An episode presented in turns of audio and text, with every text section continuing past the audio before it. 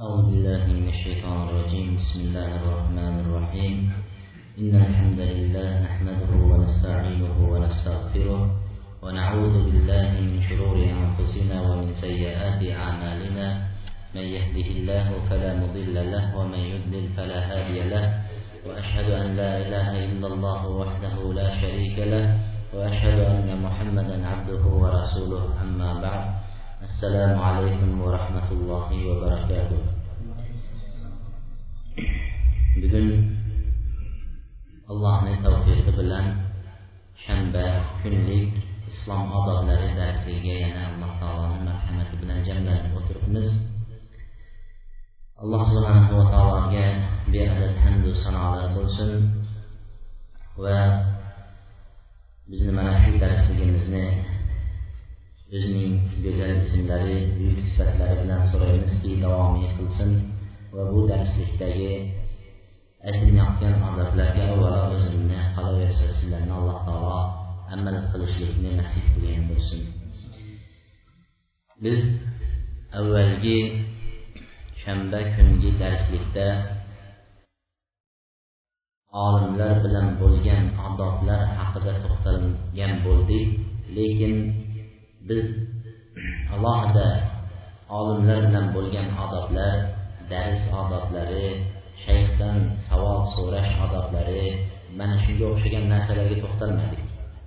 Chunki bu yerda darslikka qatnashayotgan ko'p kishilarimiz ya'ni bir kishining oldiga borib o'tirib ozondan kechgacha dars tadris ya'ni yoki ta'lim olishda mashg'ul bo'lmaganligi uchun biz faqat olimlarga umumiy holatdagi bo'lgan odobga to'xtaldik. Ya'ni olimlarni hurmat qilishlik olimlarni gaplarini bir chaqaga olmasdan yurgan birodarlarimizga nasihat bobidan shu ba'zi bir hadislarga oyatlarga to'xtalgan bo'ldik. Shularning qatorida imom abu hanifani hayotlariga va to'rt mazhab haqidagi ba'zi bir ma'lumotlar berishlikka to'xtalib o'tdik. Mana bu qo'limizdagi kitob hurmatu ahli ilm ahli ilmning hurmati manzilati degan bir kitob. Mana bu kitob boshidan oyog'igacha olimlar bilan qanday muomalada bo'lish qanday odobda bo'lishlik shu haqida yozib keltirgan. Biz avvalgi darsligimizda olimlarning biri abu hanifa rahimaullohning hayotiga to'xtaldik chunki u to'rt mazhabning birini imomi bo'lganligi uchun va hozirgi kunda ixtiloflar chiqishliklarning sabablari va shu ixtiloflarni chiqqanlik sababidan ba'zi bir birodarlarimiz olimlarga qilayotgan bo'xtonlari va ularni qadr qimmatini va shuncha yil qilgan ishtihodlarini ishtihodlariga til tegizib qo'yganligi uchun biz shu abu hanifani hayotidan boshladik. Bugun inshaalloh boshqa mazhab imomlari haqida ozgina bo'lsa ham ma'lumot olishga to'xtalib o'tamiz.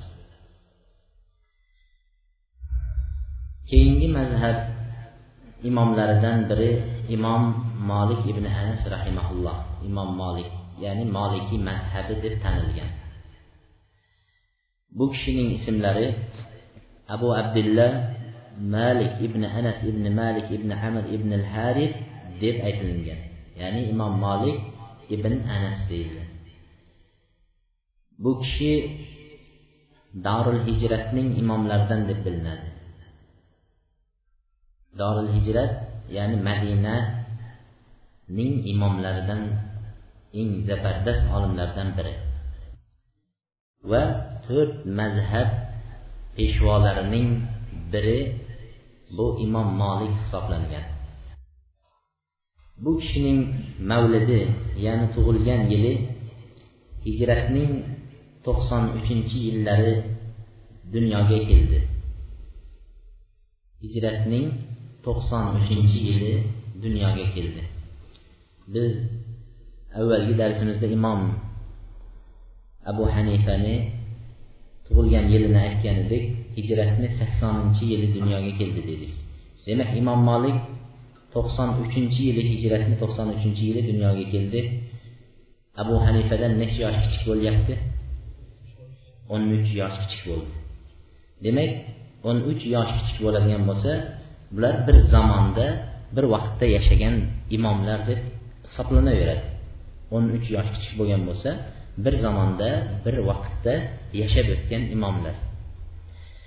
Bu kishining ilmga qadam qo'yish sabablarini ulamolar zikr qilishganda bu kishini dedilar yoshlik davrlarida eng endi o'spirinlik vaqtlarida bu bir kuy aytib kuy kuylashga qiziqadigan bir kishilardan bo'lgan edi deydi.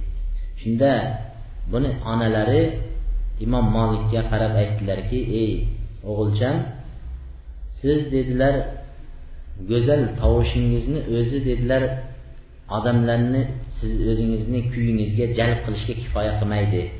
Uning uchun inson juda chiroyli ham bo'lishi kerak va boshqa bir uslublari bo'lishi kerak. Sizga bu narsa ya'ni kuy kuylashingizga yetarli emas. Shuning uchun siz fiqh ilmlarini hadis ilmlarini talab qilsangiz yaxshi bo'lardi degan bir fikrni qo'ydi.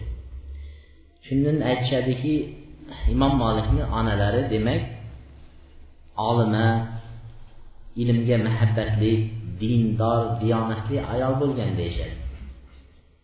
Shundan keyin bir kun tafakkur qilib o'ylab keyin imom molik ilmga bo'lgan muhabbatlari va ilmga bo'lgan yo'llanishni onalarining nasihatidan keyin olgan deyishadi. Onalarini nasihatidan keyin olgan deydi. Shuning uchun barcha bir imomlarni hayotiga bir nazar soladigan bo'lsak onalarni bularning katta imom bo'lib alloma bo'lishligiga sabab onalari bo'lgan. Mana bu imom molikni onalari ham xuddi shu narsani aytdi. Shuning uchun xonadonlardagi inson xonadondagi erkak kishi azondan kechgachayin ko'chada tashqarida uyga bir maosh olib kelish uchun xonadonni tergatish uchun tashqarida bo'ladi. Ammo ona bo'lsa farzandning yonida onaning quchog'ida farzand voyaga yetadi shuning uchun biz ehtimomni ya'ni ahamiyatni ko'proq ayollarga qaratishimiz kerak. Doim ayollarni isloh qilishlik ularni dindor diyonatli qilishlik va shularning tarbiyasini olayotgan farzandlarga ularni katta ta'siri bo'lishligiga yaxshi ahamiyat berishimiz kerak. Hozir din dushmanlari islom diniga qarshi bo'lib turgan din dushmanlari bu dindagi kishilar bilan urushishlikni ular bilan hujum bilan ya'ni qattiq qarshi chiqishlikni to'xtatishgan. Eng oson urushni yo'li ayollarni fasod qilishlik ayollarni buzib qo'yish. Buzish ya'ni butun oynai jahon orqali televideniya orqali radio orqali va barcha vasilalar bilan ayollarni qo'lidan kelganchayin buzib tashlashlikka harakat qildi ayollar buzilgandan keyin farzandlar o'z öz o'zidan buzilib ketishligini ular o'rganib chiqishgan. Shuning uchun ular qattiq ahamiyatni ayollarga qarashyapti. E, biz esa biz o'zimiz dindor bo'lib darslarga qatnashib mana shunday qilganimiz bilan xonadonimizga borsak ayollarimizni holatini ko'rsangiz hayron qolasiz. Shuning uchun xonadonni oilani ayollarni ko'proq darslarga yoki bo'lmasa ko'proq mana shu din ta'lim tarbiyalariga o'rgatishga harakat qilishligimiz kerak. Biz avvalgi darslarimizda ayollarga ham xos joylar bor kelib qatnashishligi mumkin degan edik. Agar iloji bo'lsa kelib qatnashishliklari mumkin. Bir vaqtlarda e, shu qizig'i shundada e, qaysi narsa kam bo'lsa odamlar o'sha narsaga yopishadi haris bo'ladi. Qaysi narsa kam bo'lsa odamlar hammasi shu narsani talashadi. Qaysi narsa ko'p bo'lib ketsa odamlar u narsaga qaramay ham qo'yadida. Oldingda buni aytishadiki misol bilan oldingda oqqan suvni qadri yo'q deb qo'yadi. Misol e, kabaga odamlarni ishtiyoqi qanchalik bizda? Shu iloji bo'lsa shu yerga borib olsayu har kuni kabada chiqmasdan namoz o'qisam deyishadi. Kabani oldida turgan odam bo'lsa yillab kabani oldiga kirib namoz o'qimaganda mana shunday odamlar bor. Shuning uchun e, biz bir vaqtlari darslarimizni uylarda qilardik. Bu avvalgi vaqtlarda o'n yil avval uylarda dars qilgan vaqtimizda e, yigitlar uylaringizga ayollar bilan kelsak ayollarga ham xos bir dars o'tsangiz deb talab qilishgan bizda unga imkoniyat bo'lmagan edi. Shuning uchun biz ularni qaytarganmiz. Biz hozir unday dars beraman deb endi ochgandan keyin hech kim kelmaydi. Darslarni ochib qo'yib mana masjidlarga chiqib ana xohlagan odam kelsin ayoli bilan kelaman desa kelsin desa endi hech kim kelmaydi. Endi yopib qo'yib turib masjiddan uyga borib oladigan bo'lsak uyni taqillatib keladi. E, odamni tabiati shunaqa. Demak olimlarni olim bo'lishligini bir sabablari imom molikda onalarining nasihatlari bo'lgan. Xuddi imom muhammad ibn ismoil abu abdullah al buxoriyning buxoriy bo'lib butun olamga tarqalib muhaddis bo'lib qur'ondan keyingi eng sahih hadislar to'plami buxoriyning hadisi. Bu biror odam buxoriyning hadisini shak shubhasiz buxoriyda rivoyat qilinibdi desa qabullaydigan darajadagi olim bo'lib yetilishiga sabab uning ham onalari bo'lgan. Buxari yaşlıq dövrlərdə bəlkəmizə məlum gözləri kör olub qaldı. Gözləri kör olub qaldı. Şu vaxtlarda anaları ertə yox keç təhəccüd namazlarında durub yığılıb Allahdan yalvarıb sorədilər. Allah Taala Subhanahu Taala analarının dualarına icabət qılıb Buxarinin gözlərini qaytarıb verdi deyir. Mənə şundan keyin ilimə bo'lgan məhəbbət bilan ilim tələb qıldı və Peyğəmbər əleyhissalamdan rivayət qılgan hədislərini qancha davlatlararo yurib safar qilib yig'ib uni olib kelib payg'ambar alayhissalomning ravzai shariflarida ikki rakat namoz o'qib o'sha namozlardan keyin buni varaqlarga tadvin qilib hadislarni jamladi. Demak shunchalik olim bo'lishligiga sabab bo'lgan kishi kim edilar? Onalari kelgan. Imom molikni ham dadalari haqida ko'p gapirishmagan. Imom ahmadni ham dadalari haqida ko'p gapirmagan. Imom buxoriyni ham dadalari haqida juda ham kam ma'lumot kelgan. Dadalari haqida. Lekin barchasini onalari maqtov bilan zikr qilingan. Demak bizni islom shariatini va islom ummatiga shunday yetuk xizmatni qilib qo'ygan islomda biz faxrlanadigan onalarimiz o'tgan. Hozirgi kunimizga qaraydigan bo'lsak kim bilan faxrlanamiz? Ayollarimizga qaraydigan bo'lsak uyalamiz. Onalarimizga qaraydigan bo'lsak uyatamiz. Ularni yurishlarini ko'rib turib. Shuning uchun bir ahamiyat beradigan joyi bu kishining hayotlaridan ayollarni dindagi ta'limiga ahamiyat berishimiz kerak. Bu faqatgina erkaklarga shariat din erkaklarga farz qilindi ayollar bilganini qilsin degan gap emas. Keyin bu kishi ilm talabida chiqdilar. وجلس إلى ابن Hurmuz nəhvə min 80 sinin deyirlər. Hurmuznin İbn Hurmuzun huzurlarında İmam Malik 8 il davamında oturub təlim aldılar. 8 il təlim aldılar. Və dərsə alə yedi İbn Şihab Zuhri İbn Şihab Zuhrini qollarında təlim aldılar və Rabi'at Ray deyilən kişinin qollarında və Əl-Fuqaha səbə deyilirlər. Mədinədə 7 katta alim, zəbərdə alimlər faqihlar o'tgan bularni yetti faqih olimlar deyilgan mana bularning barchasini qo'lida ta'lim olib chiqdi. Imom molik va lazama muhammad ibn hasan sohibi abi hanifa sanovat abu hanifaning sohibi deyishadilar yoki abu hanifani shogirdi deydi muhammad ibn hasan degan shogirdlarini. Abu yusuf bilan muhammad ibn hasan abu hanifani shogirdlari bo'lgan. Buni qo'lida uch yil u kishini mulozamat qilib mahkam ushlab dars oldi. Lazama degani insonni o'zidan soyangiz qanday ajramaydi? Yursangiz soyangiz ajramaydi. Mana shunday holatni lazama deb aytadi mulozamat qildi deydi. Demak imom molik muhammad ibn hasanni mana shunchalik inson soyasidan ajramaganligi u kishini mahkam tutib shuncha yoqsa yotib tursa turib uch yil davomida u kishini ta'limini oldi deydi. Bundan chiqadiki biz bitta narsaga mana shu gaplarni aytyapmiz gaplarning tagida foydalarni o'zinglar chiqarib turishinglar kerak. Bu gaplarni men kitobdan aytib ketyapman sizlar buni o'zinglar foyda chiqarib turish kerak. Har bir odam o'zidagi bor ilmiga qarab birov bitta foyda chiqarsa birov bitta narsadan yuzta foyda chiqarishi mumkin. Buni aytishimizdan maqsad Demək İmam Malik təlim verişdən əvvəl ya bir nəsə sorarsa, şunga cavab verişdən əvvəl bizni İslam alimləri ular 10 yildan kam ta'lim olishmagan. Demak Imom Malik 18 yil Ibn Hurmuzni huzurida, 3 yil Muhammad ibn Hasanni yonida, 11 yil bo'ldimi? yana boshqa olimlarning yonida ta'lim oldi. Bu kamida 15 yil, 20 yil ta'lim olgan. Bizni hozirgi kunimizda esa birovni qo'lida ta'lim olmagan shayxlarini sanaydigan bo'lsangiz kimlarni qo'lida olgansiz desangiz aytib beradigan odamni o'zi yo'q. Shu buxoriyni aytishadiki deganlar. Buxoriyni ming mingdan ko'p shayxi bo'lgan ta'lim olgan ustozi bo'lgan deydi.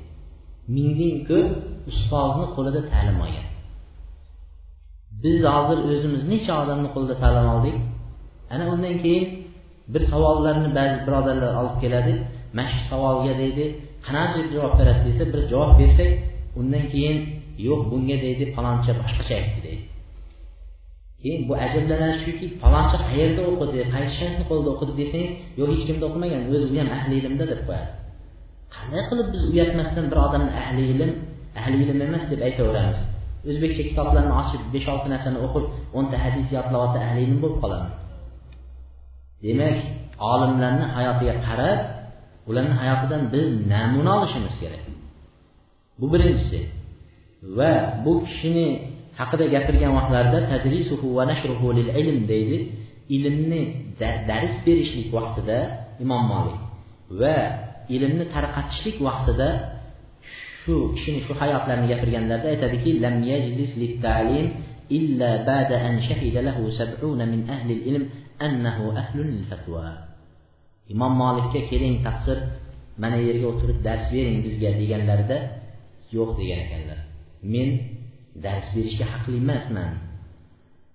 Alim bo'lganim yo'q, men Allohdan qo'rqaman degan ekan. Keyin o'zini zamonasida zabardast olimlardan yetmishtasi siz fatvo berishlikka haqlisiz deb guvohlik berganidan keyin dars berishga o'tirdim degan ekan. Yetmish zabardast olim imom molikka siz fatvoga fatvo berishga haqlisiz deb guvohlik bergandan keyin keyin o'tirgan ekan darsga. Bizga to'g'risini aytsak bu yerda o'tirish uyatli bo'lyapti biror odam bizga fatvo nima bermagan shahada bermagan guvohlik bermagan siz borib o'tiring dars bering deyishga guvohlik bermagan. Vala vahid deydiyu hali bittasi ham bermaganda. Lekin iloji yo'q.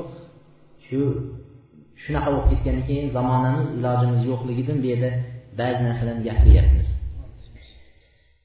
demak bularni hayotlarining olinadigan foydani biri shu.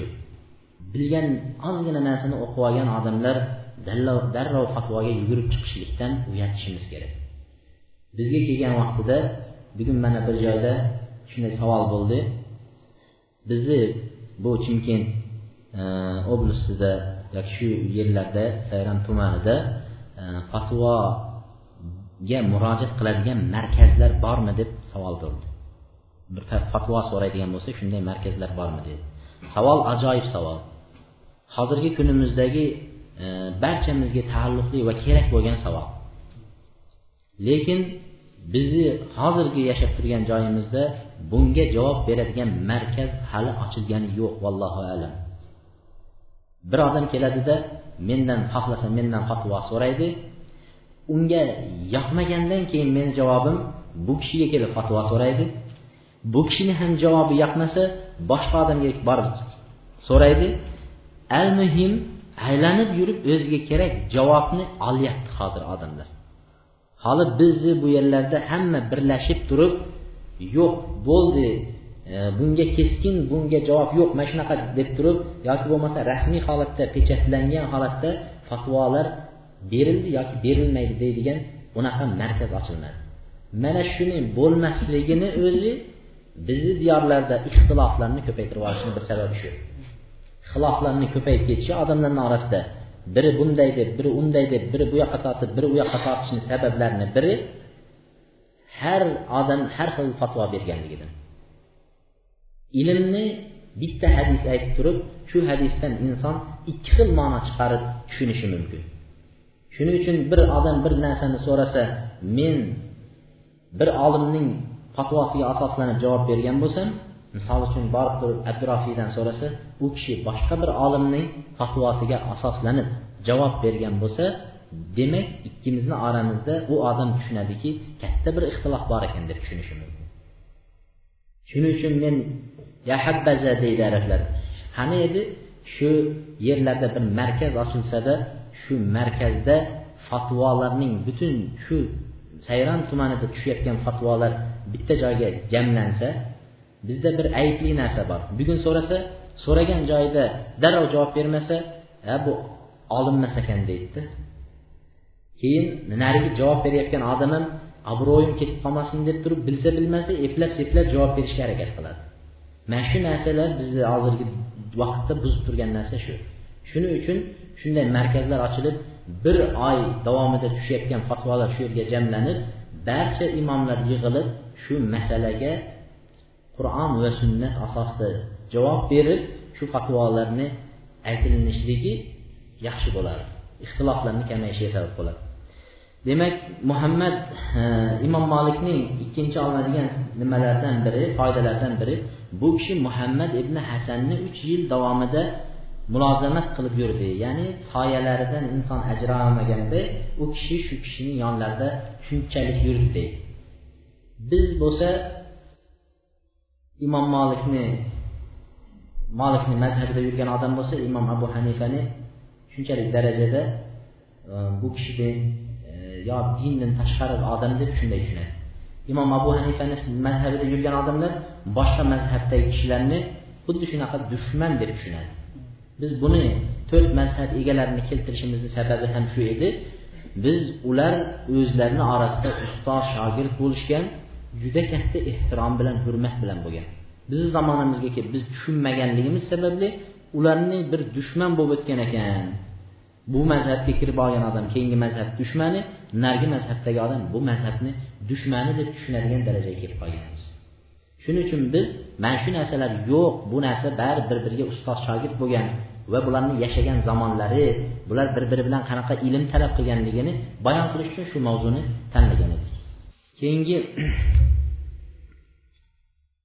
shofiy rahimulloh aytadilarki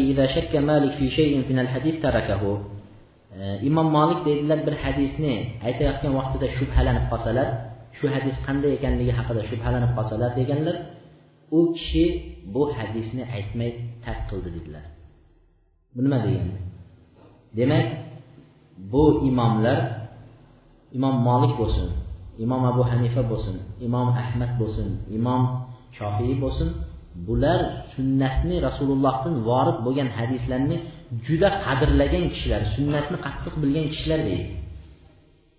Shunchalik ular agar hadisni rasulullohdan to'liq eshitib aniq unga hujjat bilmagunicha aytishmagan. Bizni zamonimizda biz bilsak ham bilmasak ham shunday hadis bormidi yo'qmidi deb bir hadisni aytaveramiz. Abdulloh ibn masudni aytadilarki bir kishi men abdulloh ibn masudning huzurlarida necha yillar davomida birga bo'ldim deganlar. Biron marta u kishining og'izlaridan qola rasululloh sollallohu alayhi vasallam payg'ambar alayhissalom shunday dedilar degan gap chiqmadi deydilar. Chunki payg'ambar alayhissalom dedilar desa shu gapni aniq aytganmi aytmaganmi uning uchun hujjat kerak bo'ladi. Agar kim payg'ambar alayhissalom aytmagan gapni aytdi payg'ambar alayhissalom desalar o'ziga jahannamdan joy tayyorlasin degan hadis bor deb turib aytmasdilar. Bir kuni xutbaga chiqqan vaqtlarida minbarda bilmagan holatlarida og'izlaridan payg'ambar alayhissalom shunday deganlar degan gap chiqib ketdi. Chiqqanlarida peshonalari terlab yuzlari oqarib o'zidan ketadigan darajaga kelib istig'for aytib ko'zlaridan yosh chiqib ketdi abdulloh ibn masudni deganlar. Mana shunchalik darajada ular hadisni aytishda bizni zamonamizda hamma hamma rivoyatchi olim bo'lib ketgan. Hamma hadis aytaveradi. Bilsa bilmasa rasulullohdan kelgan kelmagan hadisni uni aniq qilib hujjatlamasdan turib payg'ambar alayhissalom shunday degan emasmi deydi bir dalil olib kelsangiz yo'q bunaqa hadis ham bor emasmi deb turishadi. Demak imom shofiy aytadiki imom molik bir hadisda shubha qilib qolsalar u hadisni aytmasdilar deydi كان مالك إذا أراد أن يحدث قام فتوضأ ثم جلس على صدر فراشه وصرح لحيته وتمكن من في جلوسه بوقار وهيبة imom molik bir hadis aytadigan bo'lsalar deydilar chiroyli kiyimlarini kiyib tahorat olib xushbo'y hidlarni sepib keyin majlisda juda ham odob bilan o'tirardilar deydi odob bilan xuddi bir e, podshohni huzuriga borgan odam Padişahın altında xanaxana da saxlayır. Ya ki, yanbaşa alır. Bu nəqimə ilişkin. Bir addi padişahın altında. İmam Malik Peyğəmbər əleyhissalamın hədislərini xuddi şunaqa hürmət, ehtiram bilən nima qilganlar? Hə, Rivoyat qilganlar. Hədislərinə bo'lgan hürmət shunaqa bo'lgan. Demək bu imomni hədisga bo'lgan muhabbati, u ahli hadis, hadis ahli ekanligiga dalolat qiladi. allama al-ilma fil masjid va lam yura alayhi ghayru bahkatin aw isnatayn fi 50 sana deydilar rasululloh sollallohu alayhi vasallamning masjidlarida imom molik ellik yil davomida ta'lim berdilar deydi ellik yil davomida ta'lim berdilar lekin biron marta bir yoki ikki marta ikki marotaba deydilar tabassum qilganini ko'rdik deganlar dars bergan vaqtlarida shu masjidda ellik yil dars bergan bo'lsa ellik yil davomida hadis rivoyat qilganlarida hadis aytgan vaqtlarida kulmagan ekanlar. Rasululloh sollallohu alayhi vasallamni hadislarini muboraklab go'yo rasululloh sollallohu alayhi vasallam uni huzurlarida turgandaqa tasavvur qilib u kishini hurmat qilganliklaridan hadislarni ham hurmat qilib gaplarini hurmat qilib kulmaganlar deydi. Imom molik bu kishi hali sodir bo'lmagan masalalar haqida javob bermaganlar. Hali voqe bo'lmagan masalani so'rab kelsa agar bir kishi bunday qilsa qanaqa bo'ladi desa shu voqea bo'ldimi yo'qmi deb so'radi. Yo'q desalar o'sha voqe bo'lsin keyin javob beramiz dedilar. Ya'ni bo'lmagan masala haqida javob bermagan. Ammo imom abu hanifa bo'lmagan masalalarni tasavvur qilib unga javob berganlar. Buni sababi nimaga desalar imom molik bir shaharda ya'ni madinadan tashqariga chiqmaganlar shu madinani o'zida yashab madinani o'zida fatvo berganlar shuning uchun deydilar u kishi nima qildilar? Tasavvur qilolmadi boshqa masalalarni deydi. Faqat madinadagi bo'lib turgan voqealarga fatvo berdi deydi. Ammo imom abu hanifa esa deydilar ko'p shaharlarga bordi va ko'p shaharlarga yurganligidan deydi har shaharda boshqa shaharda ko'rmagan voqealarga ro'baro bo'ladi. Shuning uchun o'sha voqealarga endi fatvo berishlikka to'g'ri kelib shu fatvoni tasavvur qilib boshqa bir dalillar asosida javob berar edi deganlar. Sababi shunda deganlar. Imom molikning ibodati va uning taqvosi haqida aytishganda kana imom malik yaqulu la khayra fi man yara nafsahu fi halin la yarahu an-nas ahlan laha deganlar. Taqvosi haqida shunday keltirgan imom molik shunday derdilar. Odamlar sizni bir narsaga ahil deb ko'rmasa inson o'zini o'zi shu narsani ahliman degan kishida yaxshilik yo'q deb aytardi. Nima degan gap demak bir odam o'zini o'zi men olim bo'lsam kerak men butun ilmni olib qo'ygan odamlar aytgan savoliga javob bera bilaman degan narsani tasavvur qilsayu odamlar uni ahil shunga ahil deb bilmasa bunday odamda yaxshilik yo'q degan ekanlar keyingi aytganlari qancha ko'p so'ralsalar imom molikdan deydilar bilmadim deb aytishdan uyalmaganlar. Bir masala so'rasalar imom molik bu masalani agar bilmaydigan bo'lsa men bilmadim shu masalani deb aytishlikdan uyalmagan. Bu bilmadim deyishlikni o'zi insonning taqvosiga dalolat qiladi. Chunki ko'p jamoatni ichida turgan bo'lsangiz hamma sizni og'zingizga qarab turgan vaqtida sizdan bir savol so'ralgan vaqtida shayton vasvasa qiladi. Sen shunchalik odamlarni oldida ahli ilm deb tanilgan bo'lsang hozir bilmadim desang shu yerda hurmating tushib ketadi deydi. Mana shu vaqtda inson eplab seplab ishqilib javob berishga harakat qiladi. Bu imom molik bilmadim deb aytishlikdan hech vaqt uyalmaganlar deydi. Agar inson bilmadim deydigan gapni aytolmasa deganlar uni deganlar o'lgani yaxshi yoki o'zining o'lim joyi bilan musibatlanibdi degani shu o'lgani yaxshi degan kalimani keltirgan bilmadim deb aytishni bosh tortgan kishilar deydilar. Imom molik boshqa imomlar kabi abu hanifani yuqorida keltirdik va bu kishini ham hayotlari va boshqa imomlarga ham to'xtalamiz qisqacha. Imom molik boshqa imomlar kabi sunnatni hadisni ulug'lagan. Biz bilishimiz kerakki o'tgan darslikda aytdikki insonlar ikki toifaga bo'linadi mazhabda. Ba'zilari mazhab deb mutaassib bo'lib mazhabga qotib qolgan kishilar ba'zilari esa umuman mazhab kerak emas degan ikki toifa bo'ladi.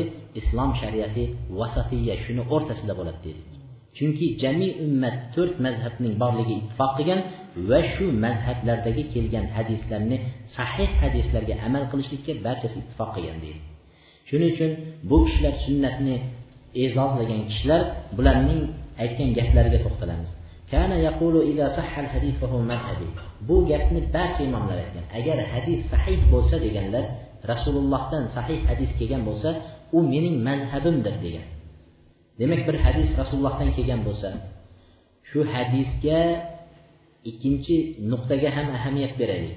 Shu hadisga agar amal qila bilishlikni imkoni bo'lsa sahih hadislar kelgan mazhabga xilof bo'lgan bir hadis keladi sahih hadis. Lekin shunga amal qilishni imkoni bormi yo'qmi? Unisiga ham qarashimiz kerak. Shu hadisga amal qilgan vaqtimizda shu yerni odamlari shuni ko'tara biladimi shu hadisni ko'tarolmaydimi shunisiga ham qarashimiz kerak.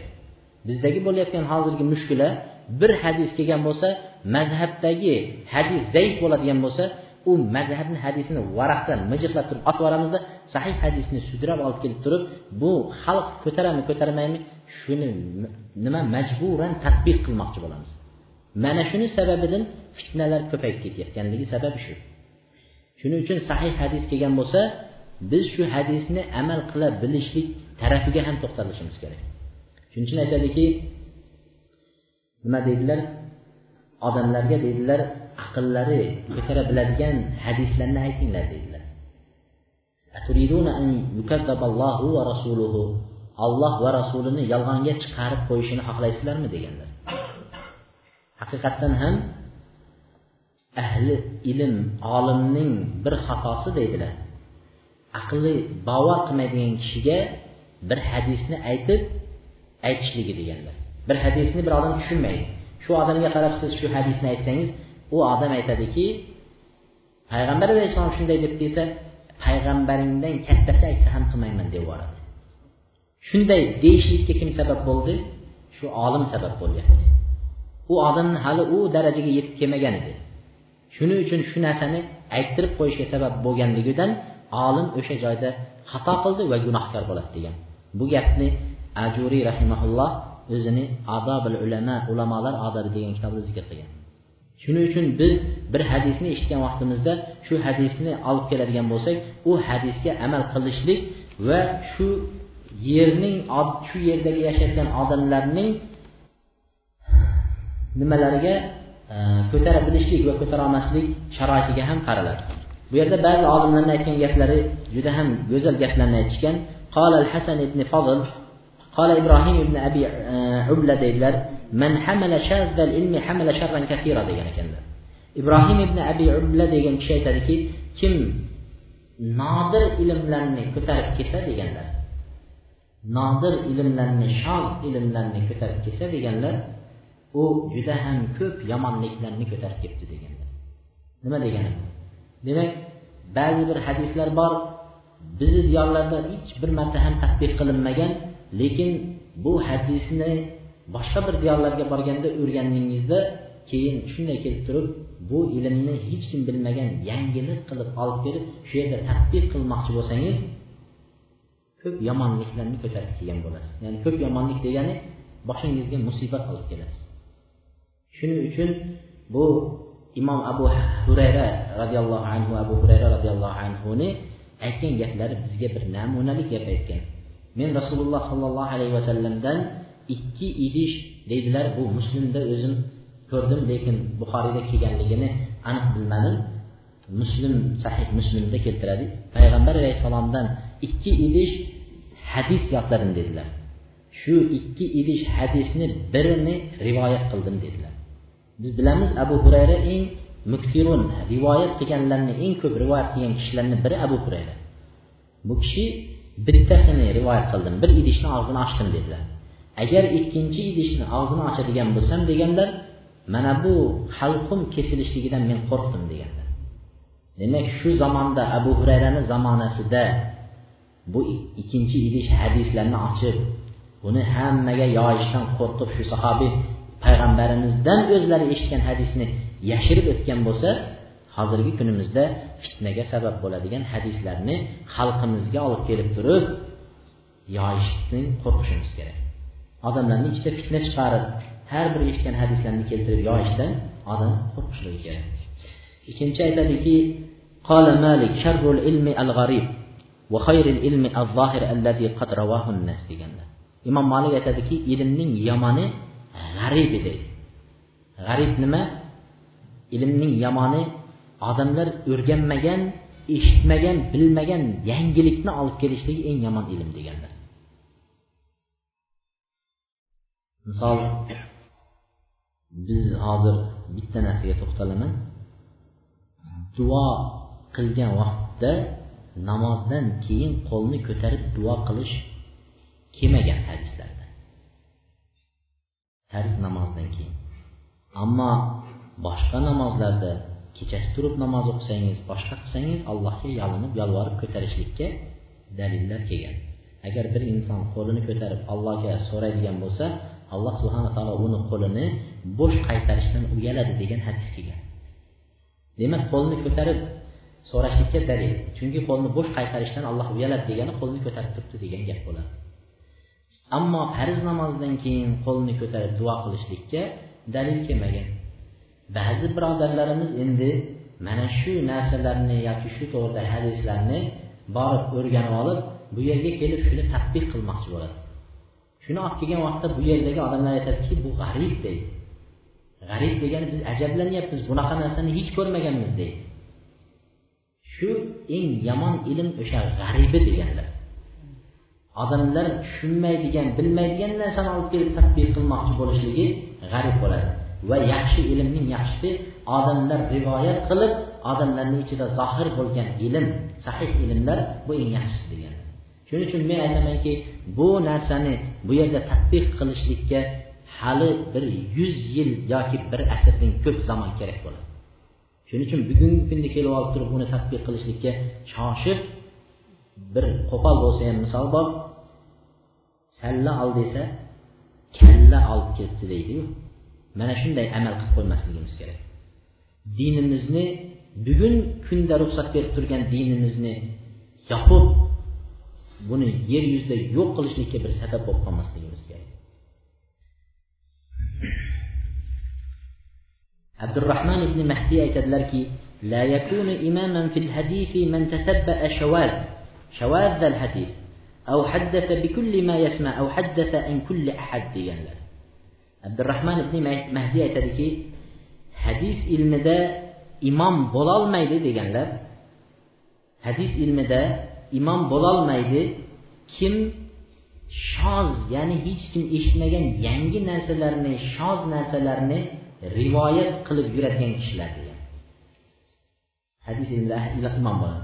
Yoki deganlar har bir eshitgan narsasini har bir eshitgan narsasini rivoyat qilaveradigan kishi hadis ilmida imom bo'lmaydi deganlar yoki har bir odamdan eshitgan narsasini aytaveradigan kishi ham hadis ilmida imom bo'lolmaydi deganlar demak uchta narsani aytdilar. Birinchisi biz hadis ilmini rivoyat qilgan vaqtimizda odamlarga aql yetadigan hadislarni aytishligimiz. Ikkinchisi har bir eshitgan hadisimizni olib kelib aytavermasligimiz ba'zi hadislarni o'rniga qarab turib ishlatilishiga qarab turib aytiladi va uchinchisi har bir odamdan eshitgan. U olimmi olim emasmi bizga aytayotgan odam. Shunday hadis bor ekan desa biz ilib ketaveramiz.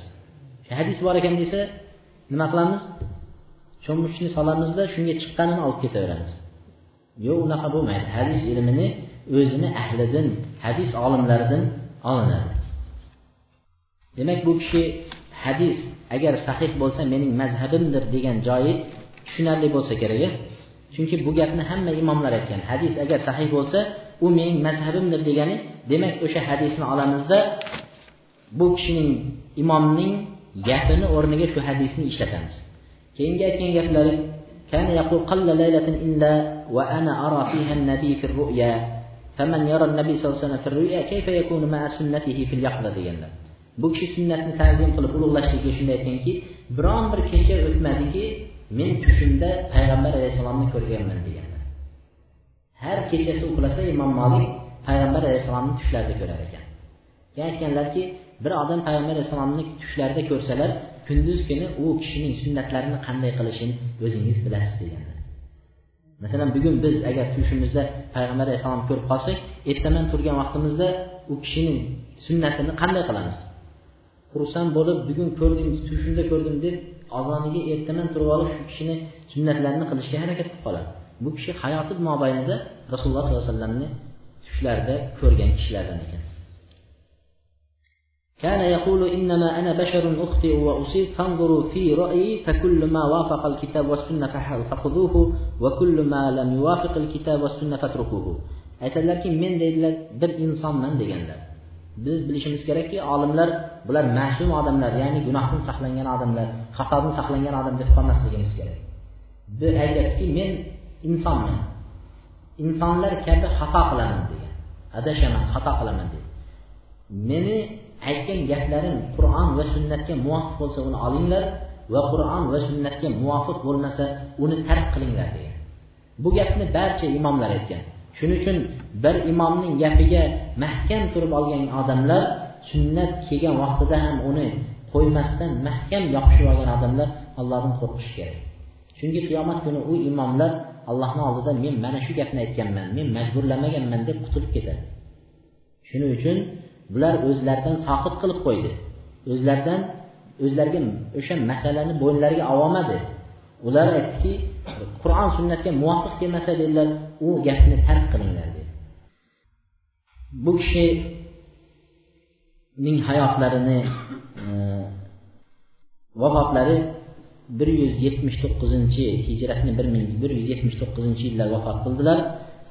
Madina shahrida vafot qildilar va baqiy qabristoniga dafn qilingan. Baqiy qabristoniga dafn qilindi. Yoshlari sakson beshda edi. Biz abu hanifani yoshlari qanchada vafot qildi dedik? Yetmishda dedik. E, Imom molikniki sakson beshda vafot qildilar bu kishi har qanday biz abu hanifani hayotini gapirganda u kishini o'limlari haqida to'xtaldik vafotlari haqida to'xtaldik qamoqda zindonda o'lganligini gapirib o'tdik. Va imom molik ham shunchalik olim zabardast olim bo'lsa ham bu to'rt mazhabning biri sohibi bo'lsa bu kishiga ham tuhmatlar bo'lgan va o'n yil mobaynida dars berishlikdan u kishini mahrum qilgan o'zining uylaridan ko'chaga chiqmaslik sharti bilan shunday uyda o'tirganlar demak biror olim o'tmaganki har bir olimlarga din olimlariga tuhmatlar bo'lib o'tgan din olimlariga aziyatlar bo'lib o'tgan. Shuning uchun hozirgi kunda ham yoki boshqa zamonda ham bir olimlar haqida gapiriladigan bo'lsa bilishimiz kerakki demak u odam adashgan yoki boshqa emas u odam dinda turganligi uchun shunday tuhmatlarga qoladi. Imom molik shunday bo'lib turgan vaqtlarida hatibul bag'dodiy bir qissani keltirgan.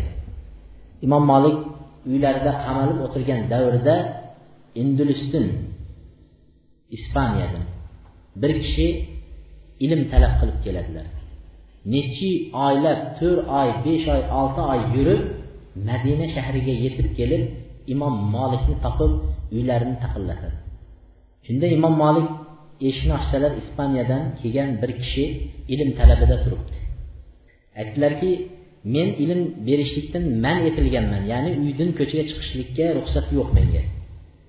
Men sizga dars berolmayman deganlarida u kishi yolinib yolvorib men shuncha joydan olti oy yurib sizni huzuringizga keldim yo'q demang deydilar. Shunda bu kishi har kuni yado kiyimini kiyib eshiklarni taqillatib bir gadoyga o'xshagan holatda keladida imom molikni eshigini taqillatib taqillatgan vaqtlarda imom molik chiqib bir hadisni rivoyat qilib beradi. U kishi shu hadisni yodlab o'tib ketadi. Boshqa xonadonga shunday qilib o'n yil imom molikni eshiklarda gado kiyimida yurib ta'lim oladi. O'n yil. Bu hazilakam gap emas va bu sabrga bu odamni shunchalik sabr qilib ta'lim olishligiga dalolat qiladi. Biz gadoni chiroyli kiyimlarda kelib bir haftada bir marta bu yerda darsga qatnashib ketish ancha mashaqqatli bo'lyapti u kishi o'n yil dars olganlaridan keyin imom molikka ruxsat beriladi. U kishi haqiqatda imom ekanligi isbotlangandan keyin masjidda payg'ambar alayhissalomni masjidlarida hozirgi kuni masjidi navaviyda dars berishlikka ruxsat berilganlarda chiqib darsga o'tiradi. O'tirganlarida darrov odamlar eshitib imom molikni dars berishga chiqqanligini eshitib minglagan minglagan odamlar darsga keladi. Darsga kelganda haligi kishi imom molikni eshikni taqillatsalar yo'q uyda. Shunda masjidga dars berishga ketdi deganlarda masjidga kelsa masjidni eshigi ma'lum odam bilan to'la eshigidan kirolmay turganlarida imom molikning ko'zlari haliginga tushadi. Shu aytadiki ey odamlar tolibi ilmga yo'l bo'shatinglar tolib ilm haqiqiy tolib ilmga yo'l bo'shatinglar deb haligi gadoni olib kelib o'zini yoniga o'tqizib qo'yadi.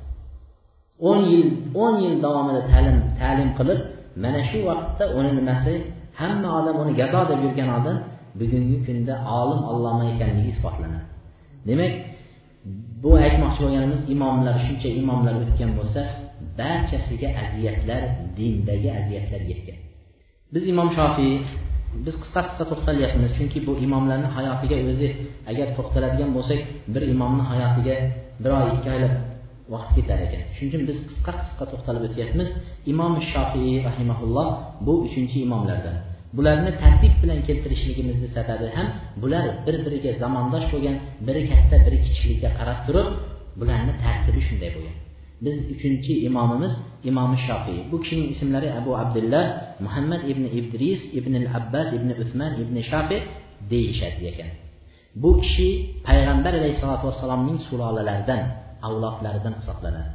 Bu kishining dadalari ibn al muttalib ibn abdumannof al qurashiy payg'ambar alayhissalomning bobolariga taqaladi ekan demak imom shofiiyning nasabi payg'ambar alayhissalom bilan birga bir nasabdan bir suloladan bir bobolardan tarqagan bo'lib chiqyapti shuning uchun ba'zi kishilar mazhabga yopishib olib turib imom shofiyni deb turib so'kadigan bo'lsa u kishilar payg'ambar alayhissalomni va uning bobolarini so'kkan bilan bab barobar bo'lib qoladi. Shundan ehtiyot bo'lishimiz kerak. Bu mazhablarni va mazhab egalarini so'kib qo'yishlikdan ehtiyot bo'lishimiz kerak. Avvalo biz ular kim ekanligini yaxshi tanib olishimiz kerak. Yaxshilab taniydigan bo'lsak ana undan keyin bu bizga berilingan tilni ana shu vaqtda saqlay bilamiz uning tug'ilgan vaqti shofiy e, rahimaulloh deydilar falastin yerida g'azza degan joyda dedilar bir yuz elliginchi yilda dunyoga keldi deydilar bu qaysi yilga muvofiq bo'lyapti? Qaysi yilga hijriy yilni bir yuz elliginchi yili nima voqeaga muvofiq bo'ldi? Biz uch imomni uchinchisiga keldik. Bu abu hanifaning vafot etgan yillari shofiy rahimalloh tug'ildilar. Abu hanifa bir yuz elliginchi yil vafot etdi deylik shofiy rahimaulloh bir yuz elliginchi yil dunyoga keldi. Esinglarda yodinglarda yaxshi saqlab qolsanglar yaxshi bo'ladi. Ba'zi kishilar hanuzgacha saksonga kelsa ham lenin qachon tug'ilganini bemalol aytib beradi va qachon vafot etganini aytib beradi biz imomlarimizni katta katta olimlarimizni yodda saqlab qolsak yaxshi bo'ladi. Demak abu hanifa saksoninchi yil dunyoga keldi. Imom molik to'qson uchinchi yil dunyoga keldi. Imom molik abu hanifadan o'n uch yosh kichik imom shofiiy abu hanifa vafot etgan yili dunyoga keldi. Tushunarli bo'ldimi?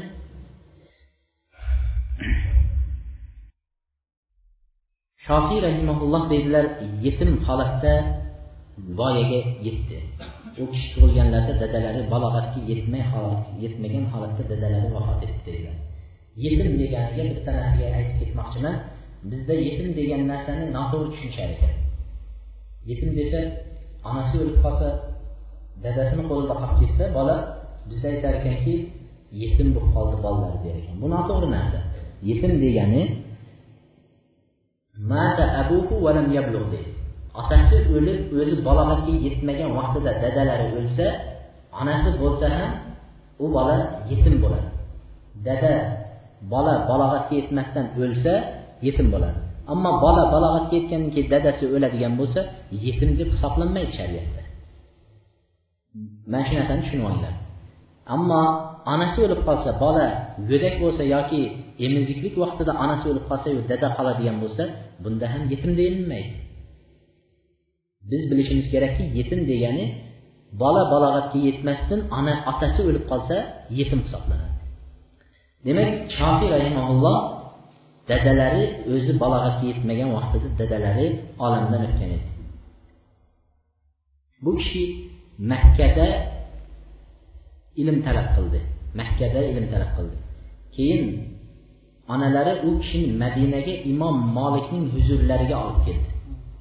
Va imom molikning huzurlarida imom molik vafot etgunchayin ilm talab qildi. Demak biz tepadan sekin qarab kelaylik. Abu hanifaning shogirdini qo'lida imom molik uch yil talab qildi.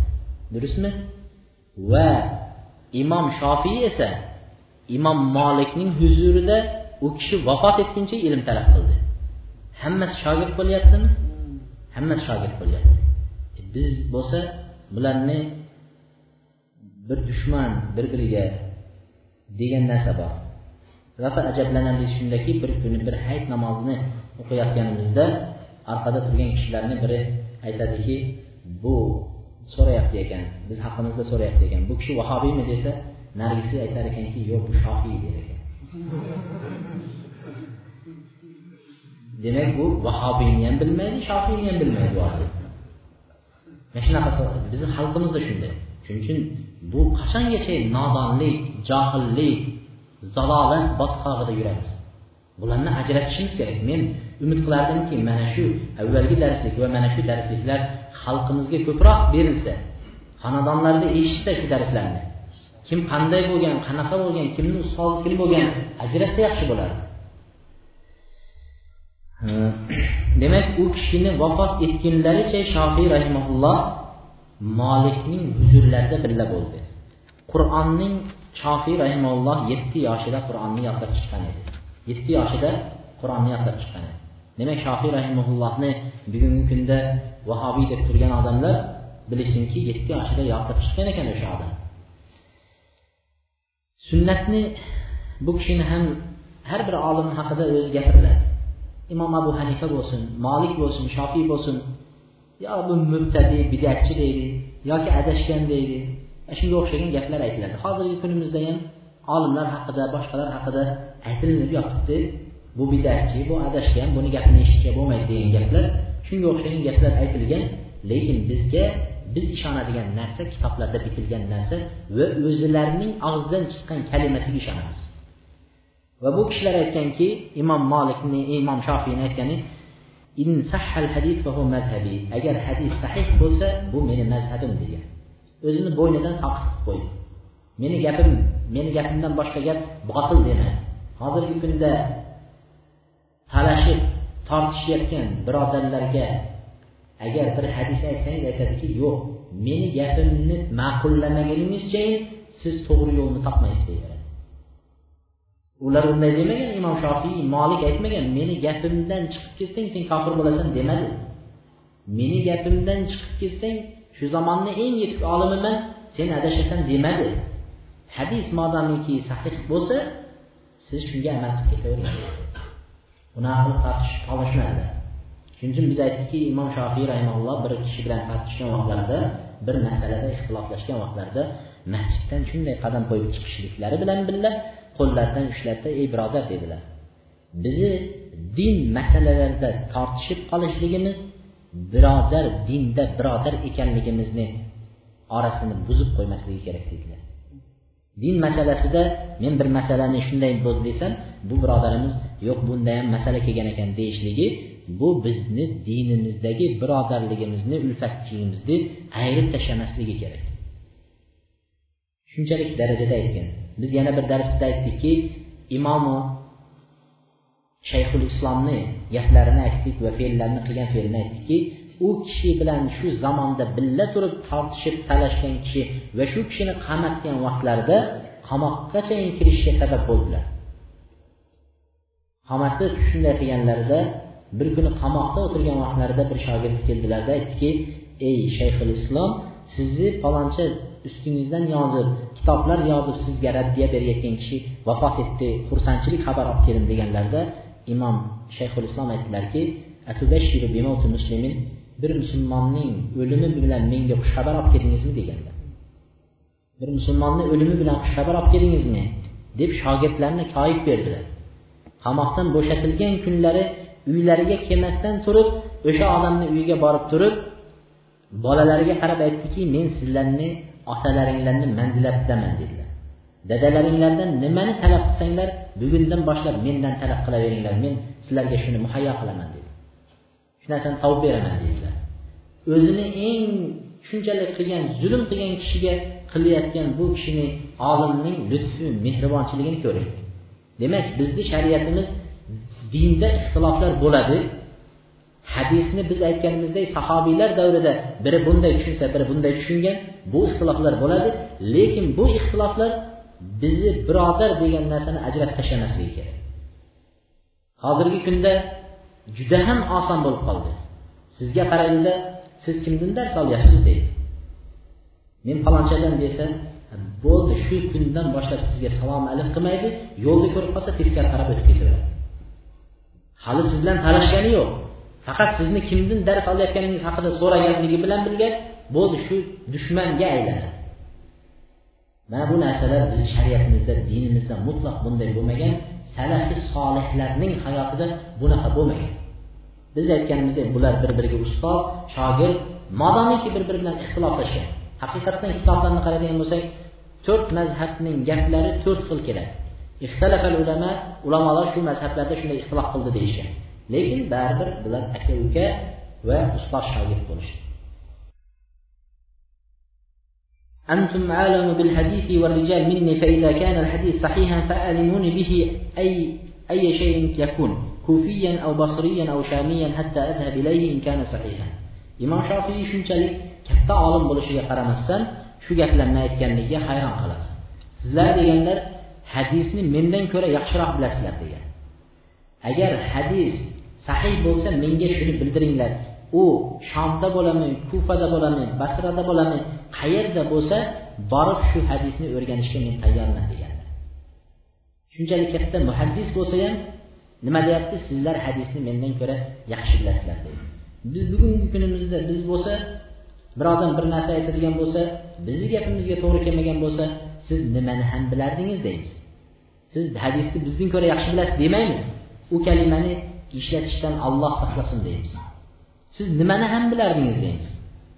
Mendan ko'ra bilmaysiz deb aytamiz imom shofiy bo'lsa nima deyapti? Siz mendan ko'ra hadisni yaxshi bilasiz deb keltirgan. كل مسألة صح فيها الخبر عن رسول الله صلى الله عليه وسلم عند أهل النقل بخلاف ما قلت فأنا راجع عنها في حياتي وبعد موتي degan rasululloh sollallohu alayhi vasallamdan sahih xabarlar agar men aytgan gapimga teskari bo'lib qolsa deganlar rasulullohdan sahih xabar kelsa men aytgan gapimga teskari bo'lib qoladigan bo'lsa men aytgan gapimdan tirikligimda ham o'lganimda ham qaytaman deganlar men qaytib ketaman aytgan gapimdan deganlar shuning uchun bu gaplarni yaxshilab bundan foyda va bundan e, nima xulosa chiqarishimiz kerak. Yaxshi tushunishimiz kerak. Bir mazhabni mahkam ushlab turib qiyomatda ham man shu mazhabga amal qilganman deb qiyomatda meni imomim abu hanifa meni imomim molik shofiy deb gapirib olganlar biz abu hanifani aytdikki abu yusufga aytgan gaplari ey abu yusuf sen mendan har bir eshitgan gapingni yozavermagin. Men bugun bir gap aytadigan bo'lsam ertaga undan qaytib ketaman degan gaplarni aytdi bu yerda shofiy ham xuddi shu gapni aytyapti. Men agar aytgan gapimga rasulullohdan kelgan xabar teskari bo'ladigan bo'lsa men undan hayotligimda ham o'lganimdan keyin ham qaytaman dedi. Ya'ni allohni oldida javob bermayman degan. Shuning uchun biz har bir masalalarni ilm ahllaridan so'rab shu narsalarga amal qilishimiz kerak. Bu kishining taqvolari haqida keltirgan vaqtlarida ustozlarning aytgan gaplari unga borib shubha qilganligini o'zi yetarli bo'ladi. Bu kishi bir hadislarni yoki bir kitobni o'qiydigan bo'lsa bugun ochgan varag'ini umrini oxirigacha qaytib ochib takrorlamagan biz hozir bir narsani o'qisak uch kundan keyin qaytib o'sha narsani aytmoqchi bo'lsak o'sha kitobni axtarib topib qayerda kelgan ekan qarashimiz kerakda. U kishi unaqa zehni shuncha kuchli bo'lgan taqvosidan bir marta o'qigan varag'ini qaytib ikkinchi marta varaqlamagan alloh taolo shunday zehn bergan lekin shu zehni kamayib qolganligi shu narsani yo'qotib qo'yayotganligini o'zida sezdi sezdida darrov ustozlari vakiyaning huzurlariga yugurib bordi shunda bu she'rni keltirishadi baytni شكوت إلى وكيع بسوء حفظي فأرشدني إلى ترك المعاصي فأخبرني بأن فأخبرني بأن العلم نور va nurullohi la yutahul asi degan gapni aytdilar. Men vahiyga ustozimni huzuriga zehnimni kamayganligi haqida shikoyat qilib bordim deganlar. Shunda zehnim kamaydi deb ustozga aytganda ustozi gunoh qilmang gunoh qilsang zehningiz kamayadi deganlar.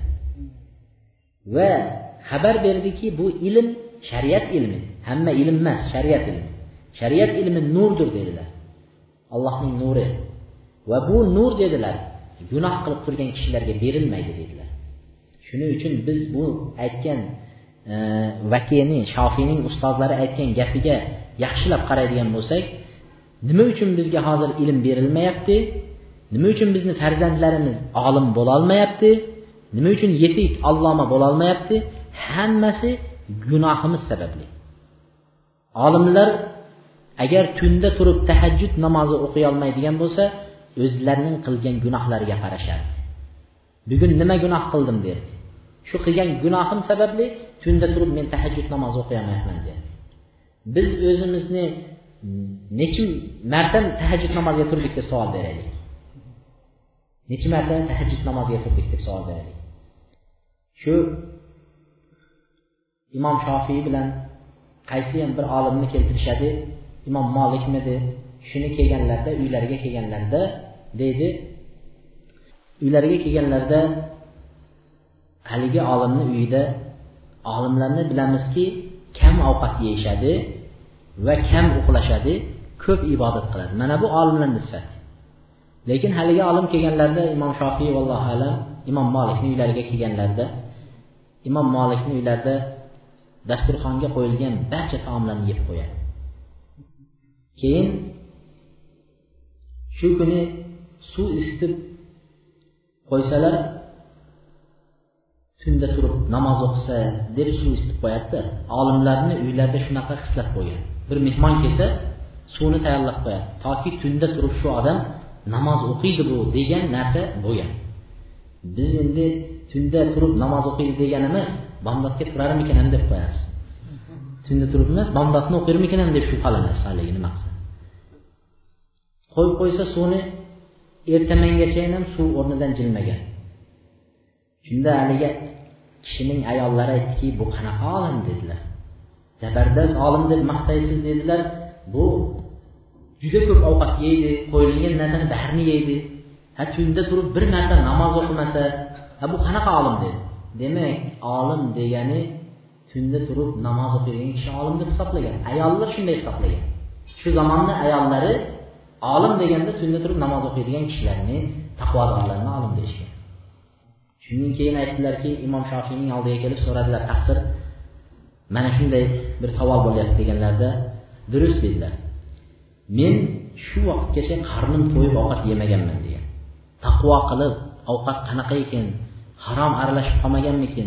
Bu kishini topayotgan joylarida harom bilan topmadimikin? deb birovlarnikiga borsam hech ovqat yemayman lekin olimni uyiga kelganimda buning topgan ovqatiga shak shubhasiz qilganligim uchun qornim to'yguncha yedim deganlar. Qorni to'yguncha o'sha olimni uyida yedim dedilar.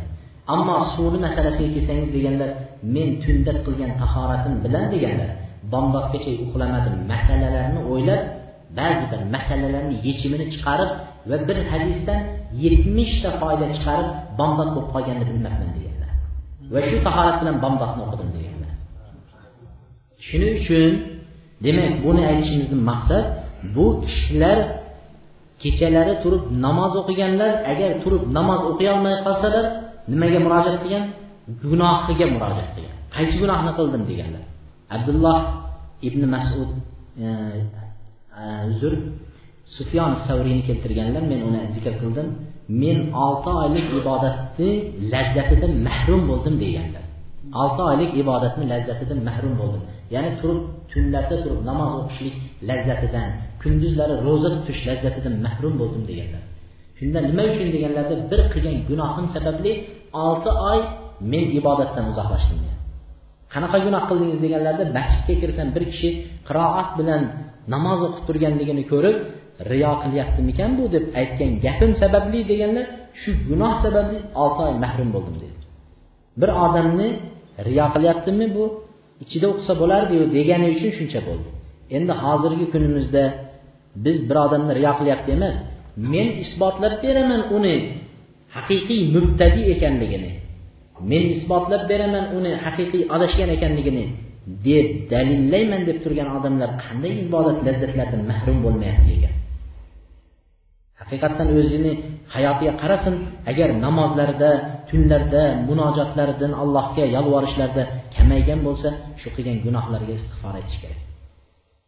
Demak shunda aytdilarki bu ilm nurdir allohni nuri va bu nur gunohkorlarga berilmaydi dedi ba'zi rivoyatlarda qanchalik sahih ekanini bilmadim. Shunda imom shofiyning qilgan gunohlari nima deyishganlarida aytishadiki tashqariga chiqqanda bir ayolning tovoniga ko'zlari tushib qoldi dedilar. Tovoniga ko'zlari tushdi dedilar. U vaqtlarda ayollar uzun kiyadi to'piqqacha kiyishadi to'piqdan pastgacha kiyishadi.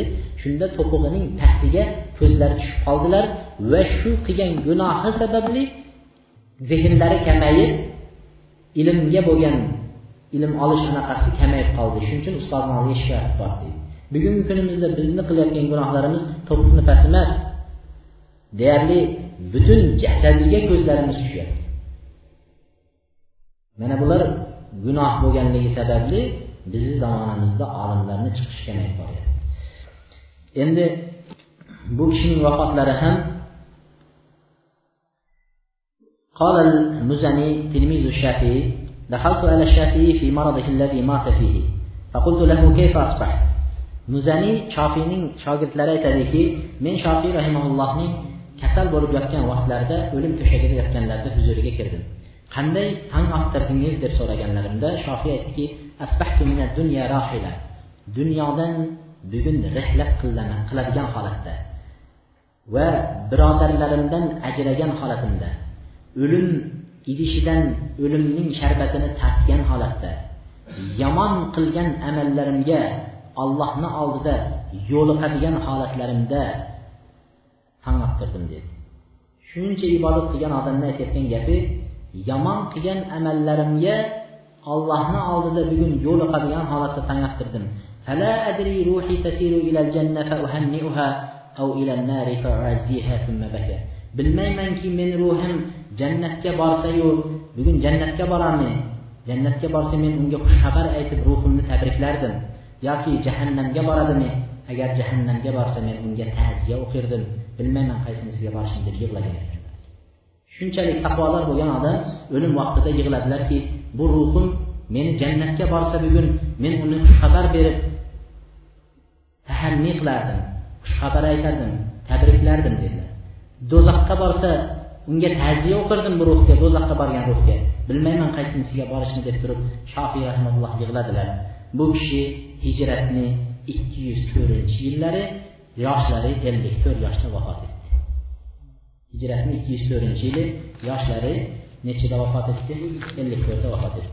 Agar vaqt bo'lib qolgan bo'lsa muborak soatga ko'p qaraganingizga shubhalantirib qo'yasiz. Imom ahmad ibn hambalni hayotlariga ko'chamiz. Bu to'rtinchi imom mazhab peshvolarining to'rtinchisi imom ahmad ibn hambal Bu kişinin həyatları ibrət bilən, sünnət bilən toğlar. Bu kişilərini bərkəsigə müsəlmanlarını vacibi Allah rəhmət qılsın o kişilərə deyib kitablarını oxuyanlarda rəhiməhumullah deyib dua qilishlikləri kerak. Bu kişinin isimləri Əhməd ibn Həmbər ibn Hilal ibn Əsəd əş-Şeybani deyillər. Əhməd ibn Həmbər. Həmbəli məzhəbi deyil. hozirgi kunda saudiya mamlakati mana shu kishining mazhablari asosida yuradi va shu kishining mazhablari bo'yicha fatvo beradi ينتهي نسبه إلى قبيلة أدنانية تلتقي مع النبي صلى الله عليه وسلم في نزار بن معد بن أدنان بكشني نسب لرهم نسب لرهم أدنان قبيلة يبرق تقلد أدنان قبيلة لري payg'ambar sallallohu alayhi vasallamning ajdodlaridan bo'ladi. Bu kishi payg'ambar alayhissalom bilan payg'ambarimizning bobolari nizor ibn mad ibn adnan degan kishi nizorni billa uchraydi. Bu kishining dadalari bilan payg'ambar alayhissalomning bobolari ajdodlari nizorga borib ya'ni ikkalasi bir kishiga taqaladi. Tushunarli bo'ldimi? Demak bu kishi ham shofiyga o'xshagan payg'ambar alayhissalomning avlodlaridan chiqib kelgan. Demak biz yuqorida ogohlantirdik. Barcha mazhablarga til tegizishdan inson rosa ehtiyot bo'lishi kerak chunki ular payg'ambar alayhissalomning avlodlari ekanligi aniq isbotlanib turibdi. Bu kishi bir yuz oltmish to'rtinchi hijratni bir yuz oltmish to'rtinchi yili dunyoga kelganlar.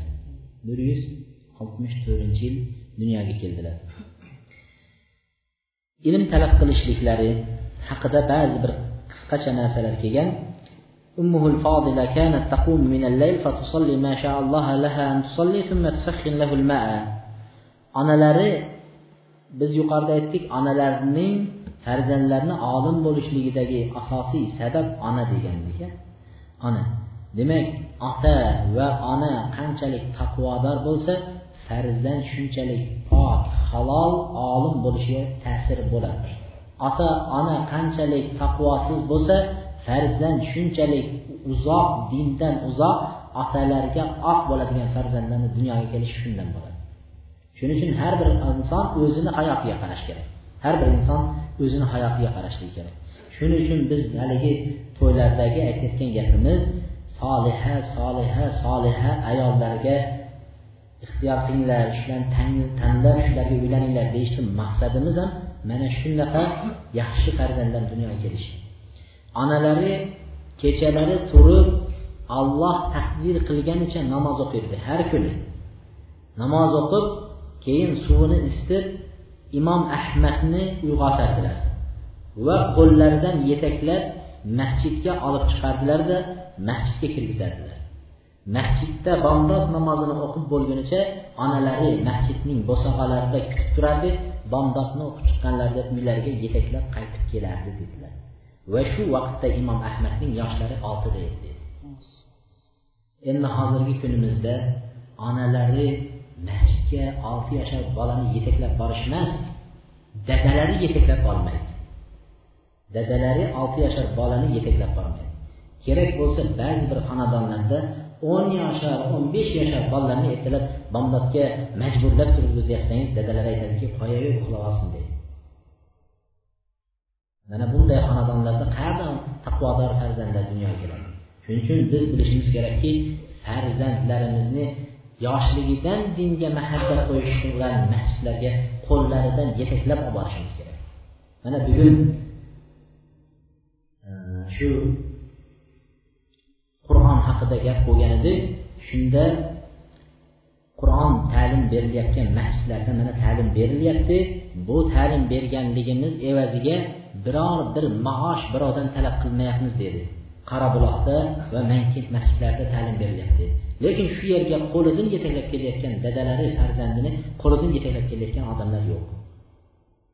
Qo'lidan har xonadonda oltidan yettidan farzand bor. Shu farzandni hech bo'lmaganda birini yetaklab kelib berganda ham ming xonadondan mingta bola masjidda ta'lim olayotgan bo'lishi kerak edi bittadan bo'lganda agar ikkitadan bo'lganda ikki ming bola masjidda ta'lim olayotgan bo'lardi lekin borsangiz o'nta bola o'n ikkita bola yuribdi bu imom molikning ilm talab qilishda onalarini qilgan xizmatlari قال أبو زرعة أحمد بن حنبل يحفظ ألف ألف حديث Ulamalar İmam Əhmədin Məhdəşkənlərdə aytadi ki, Əbu Zürhə aytadi ki, İmam Əhməd 1000 1000 hədis yadladı dedilər. 1000 1000 hədis yadladı deyəndə neçə boladı? 2000 olmaydı. 1000-ni 1000-ə köpəydirlər. 1 milyon hədis yadladı dedilər. İmam Əhməd 1 milyon hədis yadladı deyənlər. İndi imamlarımız məzhəb egələri və bizni salafi solihlarimiz bir million hadis yodlagandan keyin fatvo berishgan. Yoki imom molikka o'xshab yetmish odam guvohlik berib fatvo bering degandan keyin berishgan. Bugungi kunda o'tira olib fatvo berayotganlarimiz o'nta hadisni roviysi bilan aytib bering desa aytib berolmaydi. O'nta hadisni rivoyat qilgan odami bilan ismini zikr qilib ayting desa aytib berolmaydi. Imom ahmadni huzurlariga bir kishi keldilar. Ey imom dedilar. Yuz ming hadis yodlagan kishi fatvo bersa bo'ladimi deganlarida imom ahmadni jahllari chiqib ketdi.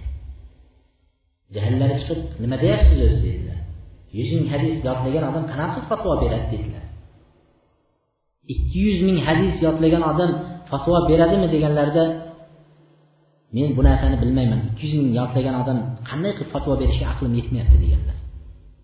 Uch yuz ming hadis yodlagan odam fatvo beradimi deganlarida ravvaqa an yaminihi va shimalihi dedilar o'ngga chapga qo'lini qimirlatib dedilar biz ham aytamizu biz bunday siltaymiz qo'limizni. Juda qo'ymadingiz qo'ymadingiz deb siltaymiz. Arablarda ravvaqa degani xuddi mirvaha qildi deydi. Ya'ni e, u yoq bu yoqqa qo'llarini bunday bunday siltillatib turib aytdilarki qo'ymadingiz qo'ymadingiz dedilar agar o'zidan biladigan odam bo'lmasa mayli uch yuz ming yodlagan odam iloji yo'q bersin dedi fatvo bersin. O'zini biluvchisi bo'lmagan vaqtda bersin dedi uch yuz ming yodlagan odam. Endi hozir gapirishimizdan avval o'zimizga doim buni yodlab yodda saqlab qolishimiz kerak. Bir odam so'raydigan bo'lsa bir masalani darrov fatvo berishdan avval o'ttiz hadis bilamanmi yo'qmi deyish kerak. Uch yuz hadis bilamanmi yo'qmi deyish kerak. Uch ming hadis bilamanmi yo'qmi deyishimiz kerak.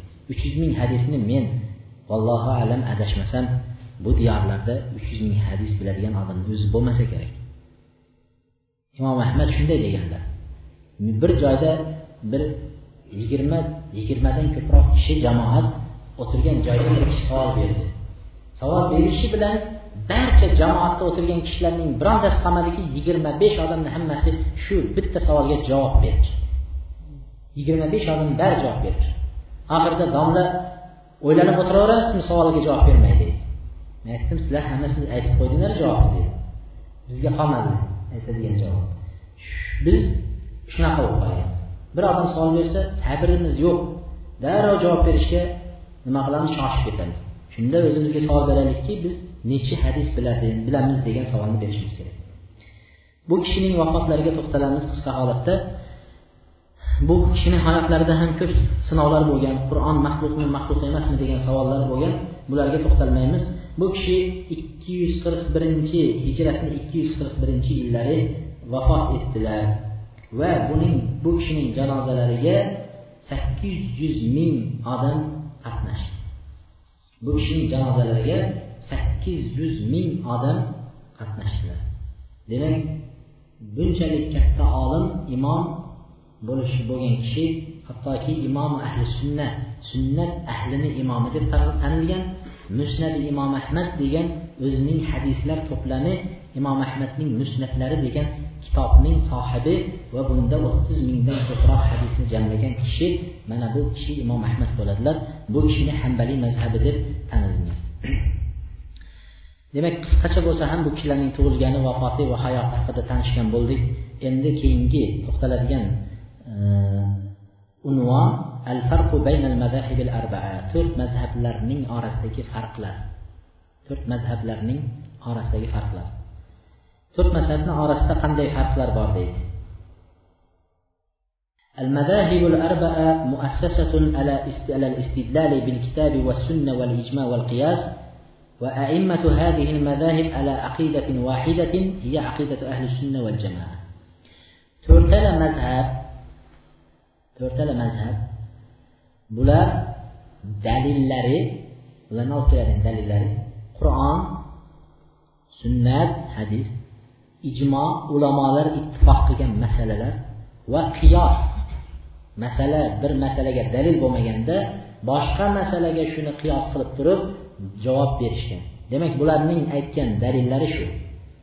Va bu to'rttala mazhabning ham aqidalari imomlarning aqidasi ahli sunna va jamoa aqidasida bo'lgan. Ahli sunna va jamoa aqidasida bo'lgan. Bugungi kunda abu hanifa murjiya bo'lgan ekan abu hanifa boshqa bo'lgan ekan deb yurgan kishilar allohdan qo'rqishsin u kishilar tavba qilib u narsadan qaytib ular haqiqiy imomlar bo'lgan. Shuning uchun butun ummat ijmo qildiki to'rt mazhab bor ekan biror joyda eshitmaysizki uchta mazhab deb kelmagan. To'rt mazhab deb zikr qilinadi.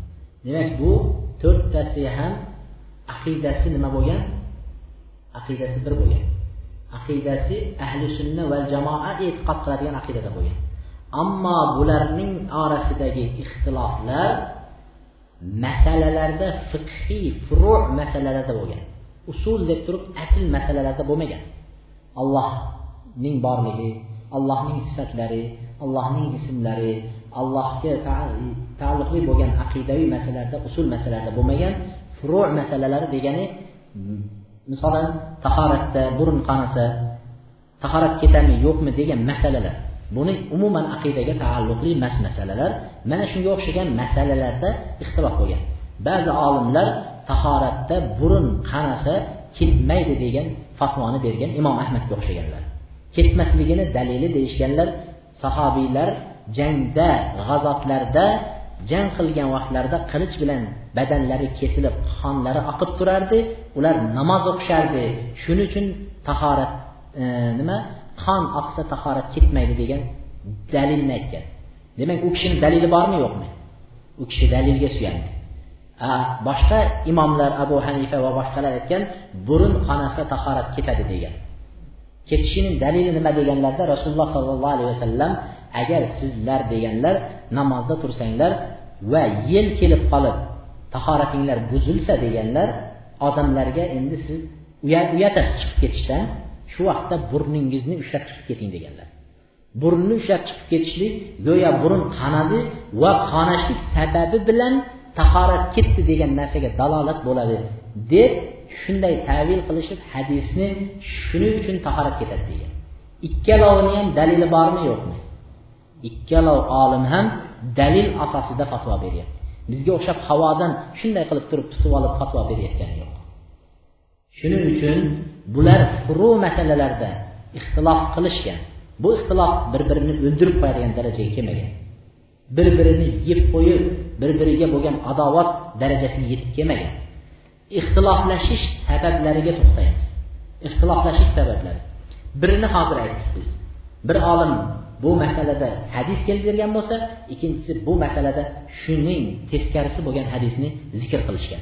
Ikkinchisi e'tiqodu adamu e'tiqod anna nabiy sallallohu alayhi vasallam qola ikkinchisi bir olim bu masalada rasululloh sollallohu alayhi vasallam mana shu hadis siz aytayotgan hadisni aytmagan degan e'tiqod bilan shuni qilmaganligi uchinchisi adamu e'tiqod irodat tilkal masala bidalikal qawl bu masalada siz aytayotgan masaladagi siz iroda qilayotgan narsada rasululloh buni iroda qilmagan deganlar.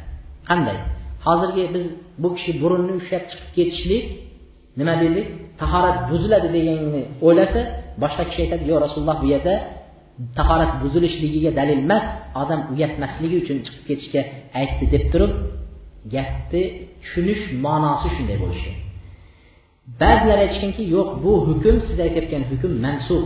Ya'ni bu hukmga olinmaydi shariatda bu hukm degan narsalar bilan ixtilof bo'lgan. Ba'zi to'rtinchi ixtilofni sabablari hadis u kishiga yetib kelmaganligi uchun bir odam eshitgan hadis ikkinchisi eshitmaganligi uchun ixtilof bo'lgan deydi. Mana bu ixtiloflar yengil ixtilof. Bu ixtiloflar bilan farqlari mazhablarni orasidagi farqlar shu. Shu narsalar bilan ixtiloflashganligi uchun ba'zisi ba'zisidan ba'zi masalalarda ayirmachiligi bo'lib turadi.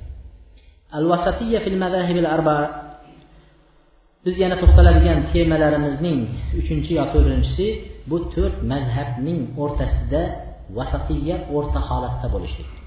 Bu mazhabga yepishgan odam ikkinchi mazhabni dushman demasligi ikkinchi mazhabga ushlagan odam bu odamni dushman demagan holatda barchasini o'rta holatda hurmat qilishligi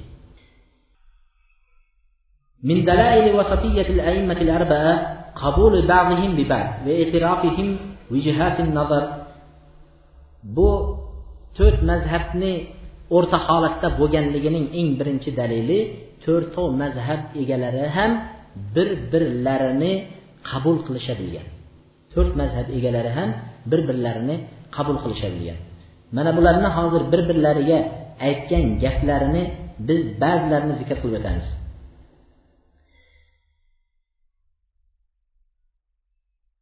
Shofiy rahimaulloh shofiy rahimaulloh bir kuni bag'dodga keldilar. Kelganlarida hanafiy mazhabidagi bir kishi imom bo'lib o'qiyotgan edilar namoz. Shunda bu kishi bizni mazhabimizda ya'ni hanafiy mazhabida qaysi nima bilan o'qilinadi qunut duosi vitr namozida o'qiladi. Qunut duosini biz vitr namozida o'qiymiz. Shofiy mazhabida bomdod namozidan keyin qunut duosi qilinadi. Shunda shofiy rahimulloh bu kishining hanafiy mazhabidagi kishining orqalariga kelib iqtido qildilarda qunut duosini o'qimadilar shunda shogirdlar aytdiki siz o'zingiz bomdodda o'qiladi dedingiz lekin bu kishi bilan birga o'qiganingizda qilmadingizu deganlarda men bu narsani bu imomning imomatchiligi va uni hurmati uchun odob saqlab shu narsani qilmadim dedilar. Demak bular bir biriga dushmanchilik bilan bir biriga yomon ko'z bilan qaramagan bir birini orqasiga imom bo'lib o'qigan vaqtlarida o'sha imom qanday qilsa shu imomning anaqasi bo'yicha iqtido qilib ketishavergan imomning e'tiqodida imomning masalasi imom aytgan masala bo'yicha o'sha amal qilishgan. Bular demak o'rtalarida nima bo'lishgan? Bir birlariga bo'lgan muhabbat bo'lgan. Va bir birlarini maqtovi. Agar bular o'rta holat bo'lmaganda bir birlarini yomonlashgan bo'lardi. Xuddi bizni hozirgi zamonamizda bizda o'rta holat vasatiya degani o'rta holatlik yo'q. Bir birimizga bo'lgan masalada ixtiloflashib qolsak o'sha masaladagi ixtiloflashgan masalamizni darrov men o'zimni aytgan gapimni odamlarga kirgizib yuborish uchun yugurib yelib bari odamga o'zimni aytgan gapimni to'g'riligini isbotlab qo'yaman. Narigi odam o'zinikini aytguncha men tezroq odamlarga o'zimnikini nima qilishim kerak? Yetkazishga harakat qilaman. Ularda unaqa bo'lmagan. Ular bir birlarini maqtashib bir birlarini ko'tarib bir birlarini hurmat qilishgan. Mana aytyaptiki famalik yafxar bikawni shafiy tilmizan lahu va shafiy yafxar bikawnihi jasa ala rukbatihi amama malik malik rahimahulloh deydilar shofiyni meni shogirdim bo'lgan deb faxrlanib yuradi deydi shofiy meni shogirdim edi deb faxrlansa shofiy bo'lsa men molikning huzurida tizzamni tizzasiga tekkizib turib ilm talab qilganman deb faxrlanadi bu imomlar bir birlarini bilan shunday faxrlanishgan وأحمد يرى في الشافعي نعم المعلم والمربي. أحمد بوسى إمام أحمد بوسى شافي تغرس ده قنده هم يحشي معلم أستاذ وتربيتي ده تروب وهذا أحمد يقول في الشافعي إنه كان كالآفية للأبدان وكالشمس للدنيا. أحمد شافي حق ذلك هد بدن لرجال آفية بوجان دقا ديدي و quyosh dunyoga qanchalik kerak bo'lsa shofiy shunchalik kishi edi deganlar. Shofiyni maqtayapti. Ahmad shofiy imom shofiyni maqtaganlar. Va shofiy rahimaulloh abu hanifa haqida aytganlarida abu hanifa annasu fil fiqhi ala abi hanifa odamlar fiqh masalalarida abu hanifaning oilasidir abu hanifani farzandlaridir deb turib shunday keltirgan. Barchasi bir birlariga maqtov bir birlarini hurmat ehtirom qilgan. O'rtalarida dushmanchilik emas ular o'rtalarida adolat bilan hukm surishgan. Demak bu biz to'xtagan nuqtalarning to'rtinchi yo beshinchisi biz oxirgi e, anaqa bilan to'xtaymiz. Hukmul xuruji anil mazahibil arbaa. To'rt mazhabdan chiqib ketishlikning to'rt ya'ni mazhabdan chiqishlik hukmi degan joyga kelib to'xtaymiz. Mazhabdan chiqishning hukmi nimadir deydilar. Bir odam bir mazhabda turib boshqa mazhabdagi kelgan gapga amal qilishi mumkin. Bir odam bir mazhabda turib boshqa mazhabdagi kelgan gapga amal qilishi mumkin. U u mazhabga o'tib ketdi deyilmaydi. Agar hiyla qilmayotgan bo'lsa hiyla qilmayotgan faqat sahih hadis kelganligi uchun shu hadisni biz yuqorida aytganimizdek shu zamonasi va shu makon shu davlat ko'tarayotgan ko'tarmayotganiga qarab shu narsaga amal qilsa bo'ladi. Ammo shu hadisga ko'tarolmasa odamlar ko'tarolmaydigan bo'lsa birinchisi yoki fitna bo'ladigan bo'lsa unda boshqa mazhabni yoki boshqa bir hadisni olib kelib amal qilmaganligi durust. Ikkinchidan hiyla maqsadida bir mazhabdan ikkinchi mazhabga o'tishlik joiz emas. Hiyla mazhabi. Hiyla yo'lida qanday? O'zi doim mazhabdan chiqmay abu hanifa mazhabi deb mahkam ushlaydi misol mazhabda uch taloq deydigan bo'lsa birov ayolini men uch taloqsan deydigan bo'lsa u uch taloqqa tushadi u bilan yashashlikni endi iloji yo'q deydi. Shu vaqtda bu odam endi hiyla qilib shu joyda boshqa mazhabga o'tib olishga harakat qiladi. Boshqa joylardan bir fatvo topishni iloji yo'qmi deydi. U yoqqa urib ko'radi bu yoqqa urib ko'radi. Mazhabdan chiqmay yaxshi turgan odam ham shu yerga kelgan vaqtda endi mazhabdan chiqib eplab seplab bir fatvo olib olishga harakat qiladi. Shuning uchun bu hiyla yo'li bilan mazhabdan mazhabga ko'chishliklar bu joiz emas. Hiyla yo'li bilan. Ammo haqiqiy hadis talabida mazhabdan boshqa mazhabni hadisni olish mumkin bunda ham bir shart bilan fitnalarga sabab bo'lmagan holatda. Lekin ba'zi imomlar keltirgan bu yerda ibn rajab ibn rajab al hambaliyning gaplarini keltirgan bu kishi mazhabdan chiqishlikni raddiya berganlar. Mazhabdan mazhabga ko'chib yurishlikka raddiya berganlar. Arraddu ala man ittaba'a ghayril a'immatil arba'a. To'rt mazhabdan boshqasiga ergashganlarning ergashganlarga raddiya deb raddiya bergan ekanlar. Ya'ni bizga mazhab kerak emas. Biz faqat hadis bilan yuraveramiz deganlarga raddiya berib chiqqan bugungi kunimizda ham ba'zi bir kishilar yigitlar chiqyaptiki bizga umuman mazhab kerak emas biz hadis bilan yuraveramiz degan yigitlar bor. Mana bunday odamlarga ibn rajab hambaliy o'zini zamonasida ularga raddiya berib o'tgan ekan. Mazhabdan inson hech qachon chiqolmasligiga ba'zi bir dalillarni keltirib o'tgan ekan. Biz shularga to'xtalamiz. Birinchi dalili الحق أن يقال أن الحق لا يخرج عن أقوال الأئمة الأربعة haqiqat deydi haqiqat to'rt mazhabni biridan chiqib ketolmaydi deganlar hadis sahih hadis ham to'rt to'rt mazhabni biridan chiqib ketolmaydi degan har qanday sahih hadis olib kelsangiz men mazhabga amal qilmagan holatda shu sahih hadisga amal qilaman degani bilan baribir aylanib kelib bir mazhabga tushib qoladi ya'ni biz hadisni o'zimiz aqlimiz bilan emas olimlarni fahmi bilan tushunishga majbur bo'lamiz Mana bugungi kunda mazhab yo'q deyotgan kishilar mazhabni olmaymiz biz faqat hadis bilan hadisni o'zi kifoya qiladi deganlar ularga ayting deydigan bo'lsa ibn boz mana hadisda bunday degan yoki ushaymin mana hadisda bunday degan yoki shayx albaniy mana hadisda bunday degan deydi. O'zlari bilmagan holatda albaniyning mazhabida ekanligini biror bir masalaga fatvo aytmoqchi bo'lsa shayxil albaniyning fatvosi bilan yurganini o'zlari bilmagan holatda bir mazhabga ergashib qolganini sezishmaydi. Yoki ibn bozning fatvosi asosida asoslanib yurgan kishi shu kishining mazhablari bo'yicha fatvo berayotganligini o'zlari bilmagan holatda. Demak butun olimlarning gaplari biror bir mazhabdan chiqib ketmagan holatda hadislar sharhlangan إن الأمة اجتمعت على قبول هذه المذاهب وما من مصر من أمصار المسلمين إلا وهو على مذهب من هذه المذاهب الأربعة aytyaptiki birinchi dalili ibn rajabning aytgan dalillarini birinchisi butun ummat deydilar mazhab to'rt mazhabni birini qabul qilishga ijmo qilgan deganlar va biror bir shahar davlat yo'qki biror bir mazhab asosida fatvo beradi degan har qanday shahar bo'lsa bir mazhabni o'zlariga ushlashib shu asosda fatvo qilib turishibdi degan biror odam o'sha biridan chiqib ketolmaydi iloji yo'q yoki hambaliy yoki shofiy yoki molikiy bo'lib yurishidan chora yo'q degan ekanlar إن هذه المذاهب قد حفظت ودون فيها المؤلفات وقد قبل قبلها العلماء وهذا دليل أن أن الحق لا يخرج عن هذه المذاهب الأربعة aytadiki ikkinchi dalillari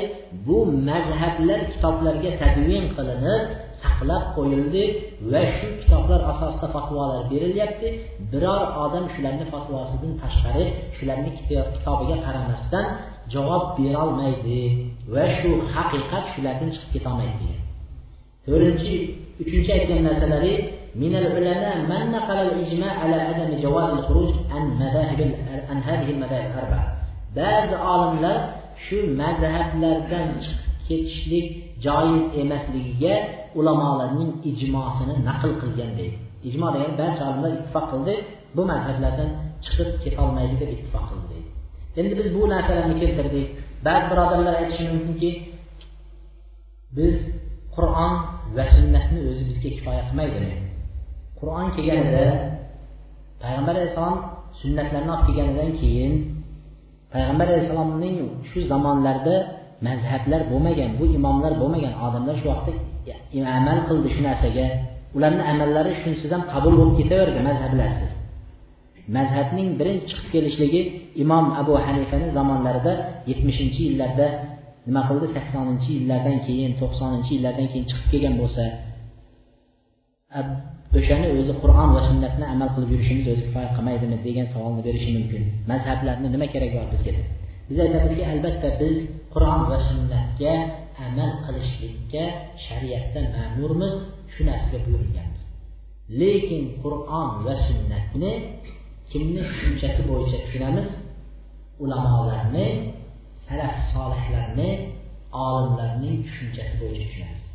O'zimizni aqlimiz bilan o'zbekcha kitobdan o'qib olgan yoki bir tarjima qilingan kitobdan bir hadisni o'qib olib shu hadisni o'zimizcha olim bo'lib sharhlamaymiz bu narsalarni ulamolar sharhlagan sharhlari asosida tushunamiz. Shuning uchun bu to'rt mazhab imomlari bular imomi ahli sunnat imomlari bo'lgan bular hadislarni va oyatlarni bizdan ko'ra yaxshiroq tushunishgan shuning uchun shularning tushunchalari asosida shularning tushunchalariga murojaat qilamiz. Mana bu birinchisi. Ikkinchisi ba'zi olimlar aytgan kim qur'onni yoki hadisni degan o'zining tushunchasi bilan royi bilan tafsir qilsa degan. O'zining royi bilan tafsir qilsa agar to'g'ri topsa ham gunohkordir deganlar o'zining royi bilan o'zini aqli bilan tafsir qilgan bo'lsa agar to'g'ri topsa ham gunohkordir degan.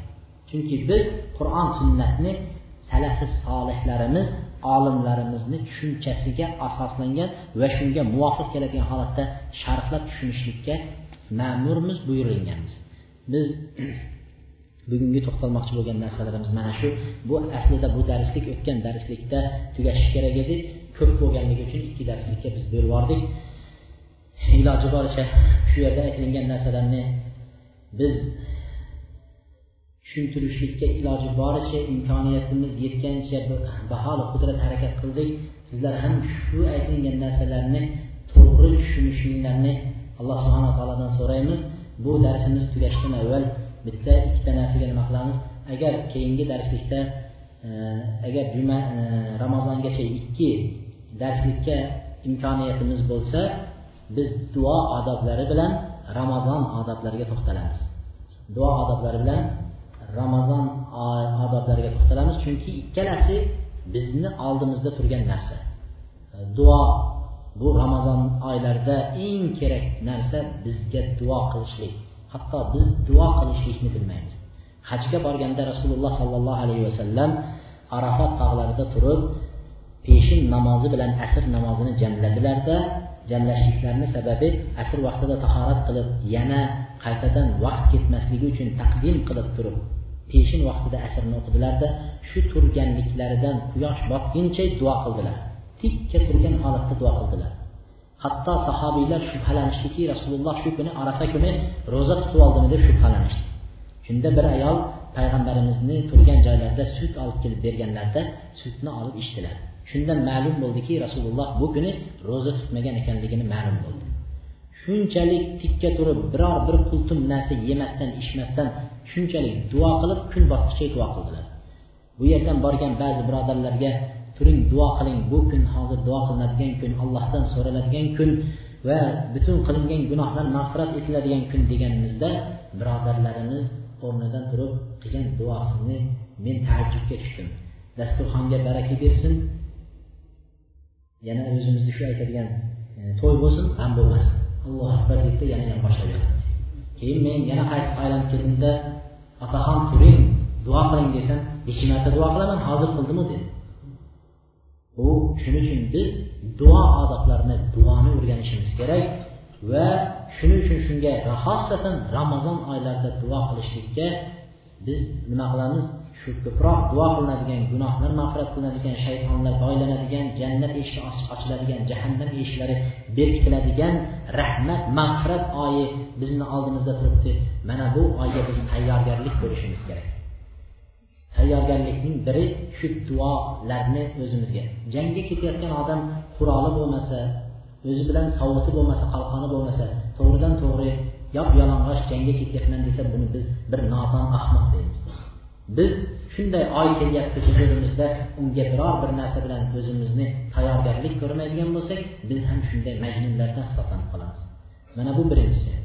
Ikkinchisi Sələfi salihlər etərdi ki, Allahımla bəlliğnə Ramazan. Allahım bizni Ramazan'a yetkiz gündür durub 6 ay əvvəl Ramazan'a yetkiz gündür yığılıb dua qılışar. Ramazanın 6 ay əvvəl Ramazan'a yetkiz gündür yığılıb dua qılışar. Bizni hazır aldığımızda Ramazan hər bir adam özünə sual versin. Biron marta shunday yig'lab shu mag'firat oyi rahmat oyi shunga meni yetkizsin deb duo qildikmi yo'q va ramazondan keyin esa olti oy yig'lab allohim meni tutgan ro'zalarimni shu ramazonda qilgan ibodatimni qabul qil deb olti oy yig'lab so'rashadi. Mana bu ramazonni odoblari ramazonga tayyorgarlik va ramazonga tayyorgarlik qilishlikning yana bir nimalari shabon oyida turibmiz ramazondan avvalgi oyda turibmiz. Bu oyda rasululloh sollallohu alayhi vasallamni biron bir oyda to'liq ro'za tutmadilar illo shabonda to'liq ro'za tutganligini bilaman deb oysha rivoyat qilganlar hatto ramazongacha ulab ketdilarmikin deb biz shunday o'ylab qoldik deyishgan. Bu oy ramazonga tayyorgarlik ko'rib kunda ro'za tutib ro'za bilan yuradigan oy. Ramazonga tayyorgarlik uchun ro'za tutib yuriladigan shabon oyida turibmiz. Shuning uchun iloji boricha bu oyda ro'za tutib ramazonga tayyorgarlik ozgina ko'rishligimiz kerak. Biz inshaalloh shu ikki darsligimiz biri keyingisi inshaalloh duolar va keyingisi ramazon odoblariga inshaalloh alloh tavfiq bergan bo'lsa to'xtalamiz. Subhanakallohumma va bihamdika astag'firullah va atubu ilayk. Alloh subhanahu va taoloning go'zal ismlari va buyuk sifatlarini o'rtaga qo'yib so'raymizki mana bu aytilingan suhbatlarimizni avvalo o'zimga va qolaversa sizlarga manfaatli bo'lishligini va mana bu yerga kelib talaba ilmda o'tiribmiz. Alloh subhanahu va taolo barchamizni qumu faqat g'afartu lakum o'rninglardan turinglar sizlarni men mag'firat qildim deydigan gunohlardan mag'firat qilingan holatda uylarimizga qaytishlikni alloh subhana taolo nasib qilgan bo'lsin. Subhanakallohumma va bihamdik. Astag'firulloh va atubu ilayk assalomu alaykum.